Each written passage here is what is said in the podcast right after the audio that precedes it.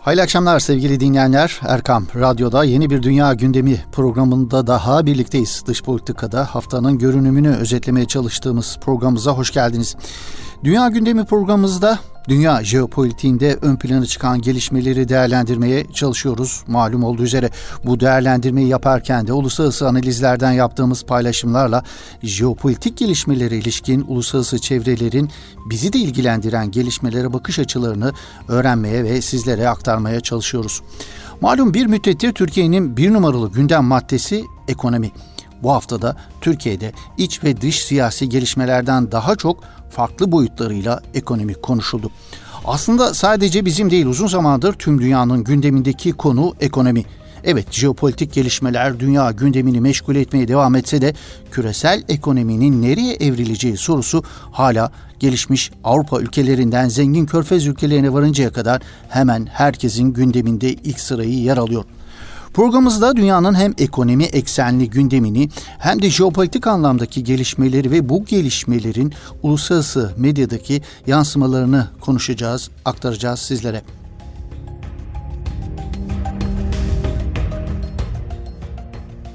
Avrupa'nın gündemiyle başlayalım isterseniz. Avrupa'nın genelinde bakıldığında iki konu ön plana çıkıyor. Aslında birbirleriyle ilintili iki konu bu. Birincisi koronavirüsün yeni varyantı omikron ile yükselişe geçen vakalar. Hızla artan vaka sayıları Avrupa ülkelerini yeni kısıtlamalara sevk ediyor. Bu kısıtlamaların ekonomileri olumsuz etkileyeceği beklentisi Avrupa genelinde yeni bir panik havası estirdiği gözlemleniyor. Bir diğer konu ise Avrupa'nın Rusya ile Ukrayna üzerinden yaşadığı gerilimin enerji fiyatları üzerindeki etkisi. Avrupa genelinde enerji fiyatlarındaki tırmanış sürüyor. Batı medyası enerji fiyatlarının tırmanışını sürmesinden endişeli. Bir yol bulunmadığı takdirde bu tırmanışın Avrupa ekonomisini derinden etkileyeceği, Avrupa için çok daha kaotik günlerin kapıda olduğu kaygısını paylaşıyor Avrupa medyası. Kıta genelinde birçok elektrik tedarikçisi firmanın ve fabrikanın enerji maliyetlerini karşılayamadıkları gerekçesiyle kapanma tehdidiyle karşı karşıya olduğu vurgulanıyor yine Avrupa medyasınca. Fransa'nın elektrik üretimi için petrolle çalışan santralleri devreye almak zorunda kaldığı, enerji fiyatlarındaki artışın tedarik zincirini çökertebileceği ve gıda fiyatlarını daha da yükseltebileceği ne dikkat çekiliyor Avrupa medyasınca.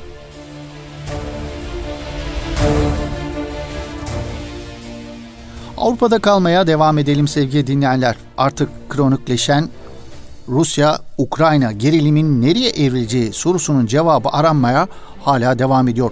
Moskova ve Kiev'in Ukrayna'nın Donbas bölgesi için 2020 yılında sağlanan kapsamlı ateşkesi tekrar yürürlüğe koyma için anlaşmasına rağmen Baltıklardaki yüksek tansiyon hala küresel kriz alanlarının başında geliyor.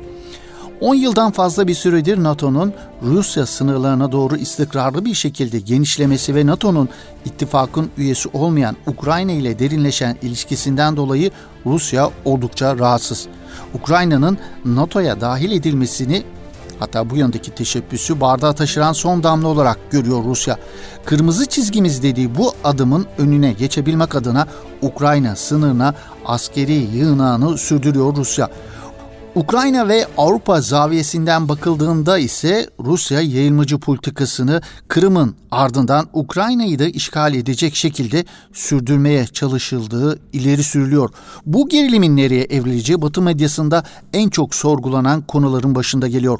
Konu etrafında yazılıp çizilenler arasında en ilginç olanı Rusya'nın batılı ülkelerce kasıtlı olarak Ukrayna'ya çekildiğinin ileri sürülmesi. İleri sürülen tez Rusya'ya Ukrayna'da Sovyetler Birliği'nin Afganistan tecrübesini tekrarlatmak. Rusya'yı bu bölgeyle meşgul etmek, yıpratmak. Rusya Ukrayna'yı işgal ettiğinde Batı Ukrayna devletine ve direnişine yoğun destekte bulunup Rus ordusunu yıpratacak, Rusya'da ağır yaptırımlar uygulanacak deniliyor söz konusu teze göre. Açıkçası pek de ayağı yere basan bir tez olduğunu söylemek zor. Zira 1990'ların SSBC'si ile 2021'lerin Rusya'sı arasında çok ama çok önemli farklar bulunuyor. Özellikle son 10 yıllık süreçte Rusya ile Batı'nın resleştiği birçok jeopolitik gerilim alanında istediğini alan tarafın Rusya olduğu gerçeği bu tezin pek de rasyonel olmadığını teyit ediyor sevgili dinleyenler.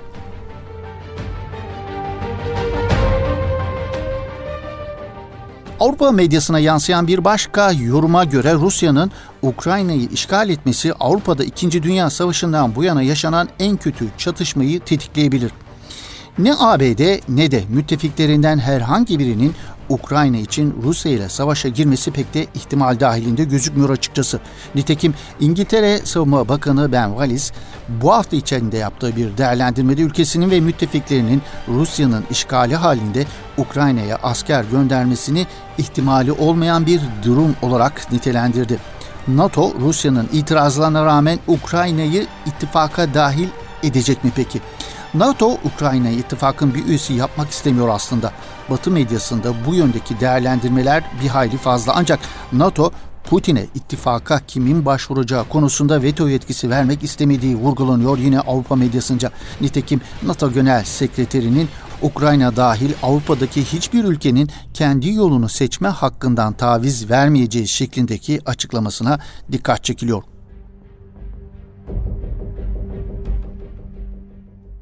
Batı dünyasının Rusya karşısında çaresiz kaldığını en net ifadelerle ortaya koyan makale ise ABD'nin önde gelen medya organlarından CNN'in web sayfasında yer aldı. Rusya ile Batı arasındaki gerilime ilişkin Putin Batı'yı köşeye sıkıştırdı başlıklı makalede Rusya ile Batı dünyasında yaşanan bilek güreşinde Putin'in tek kurşun atmadan Avrupa'yı paniğe sevk ettiği vurgulanıyor. Sovyetler Birliği'nin çöküşünden neredeyse 30 yıl sonra Putin'in Sovyetler Birliği'ni yeniden aya kaldırmaya başladığı vurgulanıyor. Batı'nın Rusya'yı durdurmaya yönelik adımlarının ise pek işe yaramayacağı vurgulanıyor. CNN'in analizinde Sivit ödeme sisteminin askıya alınması halinde Rusya'nın aldığı önlemlerle buna dayanabileceği ileri sürüyor. Bu noktada Rusya ve Çin'in bu hafta içinde uluslararası finansal sisteme bağımlılığı azaltacak ve ABD para birimindeki işlemleri sınırlayacak kapalı bir ticaret ağı için ortaklaşa çalışma sözü verdikleri hatırlatılıyor. Sonuç olarak Baltıklarda kriz küresel gündemi meşgul etmeyi sürdürecek gibi gözüküyor sevgili dinleyenler.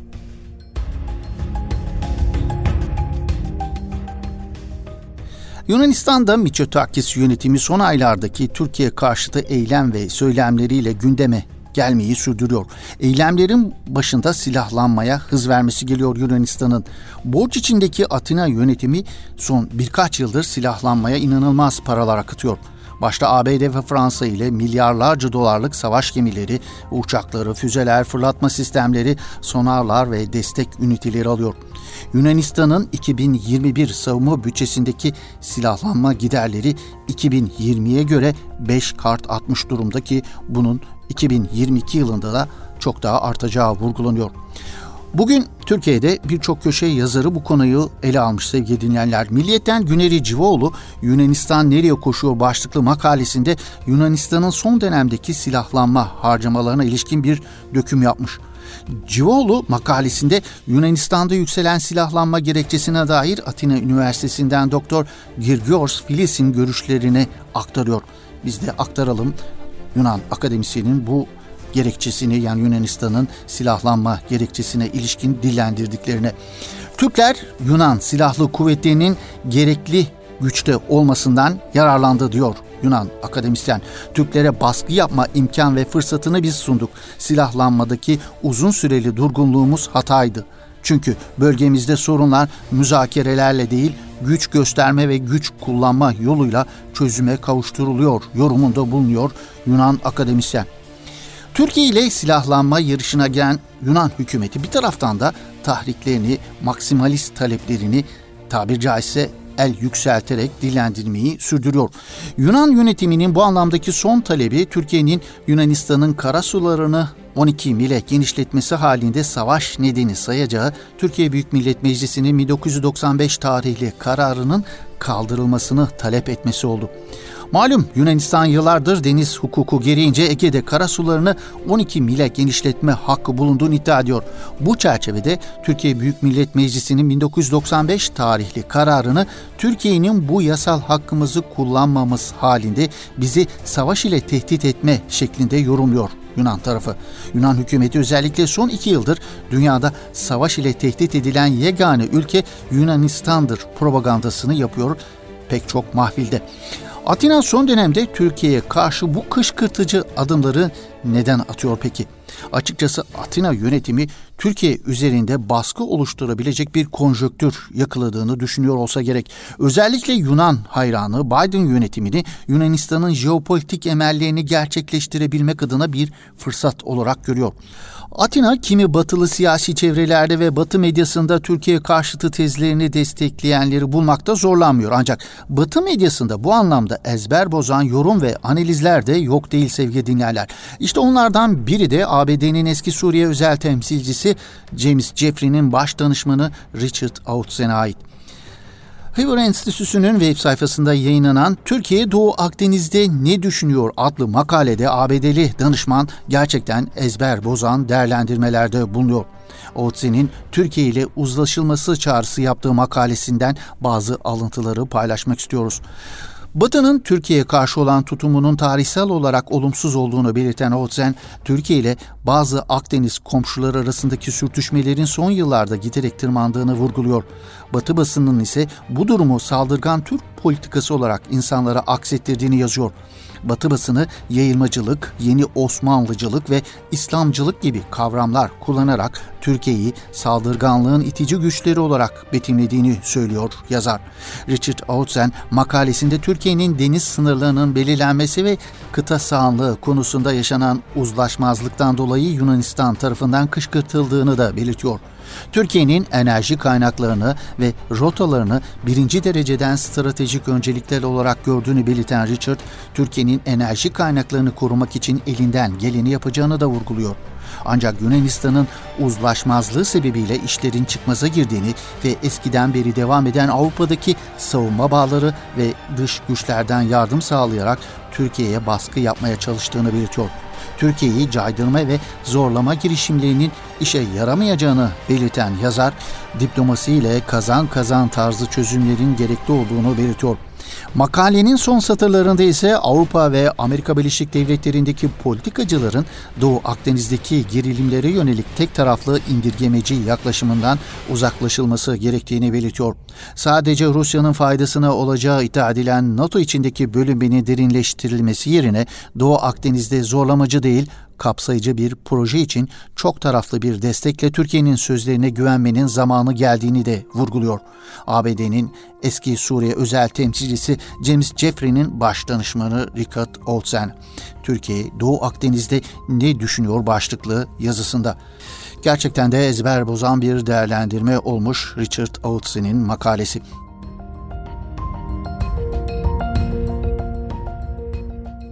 Hatırlanacağı üzere geçen hafta Türkiye'de 3. Türkiye Afrika Ortak Zirvesi gerçekleştirilmişti. O zirvenin yankıları Batı medyasında sürüyor. Türkiye'nin Afrika'daki etkisine dair haber ve yorumların eksik olmadığı Batı medyası bu kez zirve sebebiyle Türkiye'nin Afrika üzerindeki etkisine dair değerlendirmelerde bulunuyor. Amerikan Foreign Policy dergisinde gazeteci Nosmod Gamadamasi imzasıyla yayınlanan Türkiye Afrika'daki ayak izlerini derinleştiriyor başlıklı haber analizde İstanbul'da düzenlenen Türkiye Afrika Ortak Zirvesi'ne ilişkin detaylar aktarılırken zirveye üst düzey katılımın olmasını dergi ilginçtir ABD'nin dış politikasına bir meydan okuma olarak sunuyor okuyucularına. Makalede Türkiye'nin 2019'da Libya iç savaşına müdahalesinden bu yana Afrika'da ayak izini istikrarlı bir şekilde genişlettiğini vurguluyor. Türkiye'nin kıtadaki yatırımlar arasında Gana'da bir cami, Senegal'de bir olimpik yüzme havuzu ve Somali'de 10 bin yerel askeri eğitmek için bir askeri üs bulundurduğunu da ifade ediyor gazete.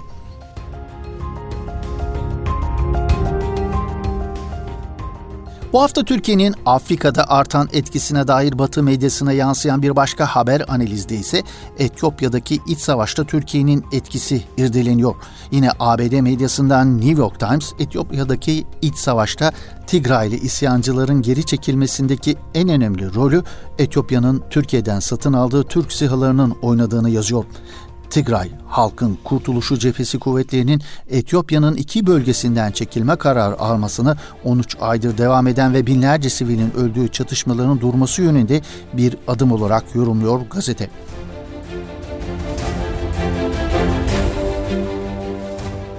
New York Times Türk SİHA'larının Etiyopya'daki iç savaşın seyrini değiştirdiğini belirtirken Reuters kaynaklı bir diğer haber analizde ise ABD'nin Türkiye'nin Etiyopya'ya SİHA satışlarından endişeli olduğu haberi dikkat çekiyor. Gazetenin haberinde Avrupa, Afrika ve Asya'daki birçok ülkeye insansız hava aracı satan Türkiye, Afrika'da istikrarı bozucu bir rol oynuyor şeklinde suçlayıcı bir dil kullanıyor. New York Times kendi yönetiminin dünyanın en büyük silah ihracatçısı gerçeğini görmezlikten geliyor bu arada sevgili dinleyenler. Türkiye'nin insansız hava araçlarıyla ortaya koyduğu etkiden rahatsızlık duyan bir başka ülke Yunanistan. Yunan Katemirini gazetesi Yunan Dışişleri Bakanlığı'nda askeri yetkililerin de katıldığı bir toplantıda Türk insansız hava araçlarının askeri ve diplomatik boyutunu ayrıntılı bir şekilde ele alındığını yazıyor. Toplantıda Yunanistan'ın Türkiye'nin İHA diplomasisine karşı neler yapılabileceği hakkında görüş teatisinde bulunulduğunu belirtiyor. Katemirini gazetesi özellikle Bayraktar TB2 tipi İHA'ların ihracından artış görülüyor. Ankara dünyada çatışmaların yaşandığı çeşitli bölgelerdeki diplomatik konumunu güçlendiriyor ifadelerini kullanmış. Afrika'da Türk İHA'ları satın alan ülkelerin sürekli artmasının yanı sıra Avrupa'da da Polonya'nın Bayraktar TB2 satın alma kararı ve Letonya ve Macaristan gibi ülkelerin de satın alma niyetlerinin Atina'yı ciddi şekilde düşündürdüğünü kaydediyor gazete. Yunanistan Avrupa Birliği'ndeki ortaklarının silahlanma tercihlerine müdahale edemiyor. Sonucunda Türkiye bazı Avrupa Birliği ve NATO üyeleri ülkeler ile giderek daha sıkı ilişkiler kuruyor ifadelerini kullanıyor Yunan medyası. Yunan Dışişleri Bakanı Nikos Dendias'ın yeni yılda Nijerya ve Angola'dan başlayarak Afrika ülkelerine yeni bir ziyaret turu gerçekleştireceği belirtiliyor Yunan medyasınca. Yunan Katemirini gazetesi ayrıca herhangi bir detay vermeden Bayraktar İHA'larının Ege'de kullanımının giderek artması ve Aksungur ile Akıncıların da aşamalı olarak Türk Silahlı Kuvvetleri'nin operasyonel gücüne dahil edilmeleri karşısında Türk İHA'ları ile baş edebilecek elektronik sistemler satın almayı kararlaştırdığını da öne sürüyor. Bu arada sevgili dinleyenler ABD merkezli strateji ve savunma basını National Interest'ın e, Türk sihalarına son olarak Rusya'nın da ilgi göstermeye başladığına dair haberi oldukça dikkat çekici. Peter Suchici tarafından yazılan Türk sihalarının en son müşterisi Rusya başlıklı yazıda Rusya'nın sihalara duyduğu ilgi kaleme alınmış.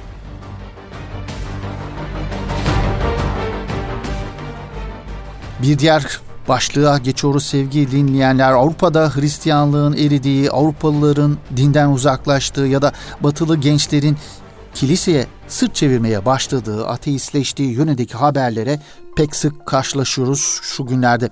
Bu minvaldeki haberlerden biri Alman haber portalı Deutsche Welle'de yer aldı. Almanya'da Hristiyanlık önemini yitiriyor başlıklı haberde 2021 Hristiyanların çoğunluğu oluşturduğu son Noel olabilir şeklinde çarpıcı bir başlıkla Hristiyanlık dini açısından durumun vehametini gözler önüne seriyor Deutsche Welle sevgili dinleyenler.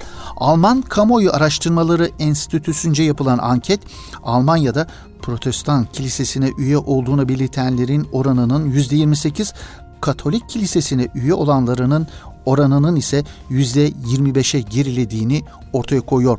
1995 yılında protestanların oranı %37, Katoliklerin oranı ise %36 olarak kaydedilmiş. Peki Almanya'da hatta genel anlamda Avrupa'da Hristiyanlığın önemini yitirmesinin nedeni ne? Bu noktada ön plana çıkan nedenlerin başında Hristiyan din adamları ve diğer mensuplarının cinsel taciz ve çocuk istismarı gibi yüz kızartan skandallara karışmış olmaları gösteriliyor. Avrupa'daki Hristiyanlık açısından bir başka alarm niteliğindeki durum ise bizatihi Hristiyanlığın en temel doktrinlerinin artık çok daha sorgulanıyor olması gösteriliyor. Söz konusu ankette bu noktada önemli ipuçları veriliyor. Ankette Almanlara İsa'nın Tanrı'nın oğlu olduğuna inanıyor musunuz şeklindeki bir soru sorulmuş. İnanıyorum diyenlerin oranı %37 çıkmış. Aynı soruya evet inanıyorum diyenlerin oranı 1986'da %56 dolayındaymış. Baba, oğul, kutsal ruh üçlemesine inananların oranı ise 1986'ya göre %39'dan %27'ye gerilemiş. Gerçekten de Hristiyanlık açısından son derece dramatik bir düşüş bu. İroni yapılacak olunursa Almanya başta olmak üzere Avrupa'da kiliselerin çanları Hristiyanlık için çalıyor söylenebilir herhalde sevgili dinleyenler. Evet sevgili dinleyenler bir Dünya Gündemi programımızın daha böylelikle sonuna gelmiş bulunuyoruz. Yeni bir Dünya Gündemi programında buluşmak ümidiyle. Hoşçakalın, esen kalın efendim.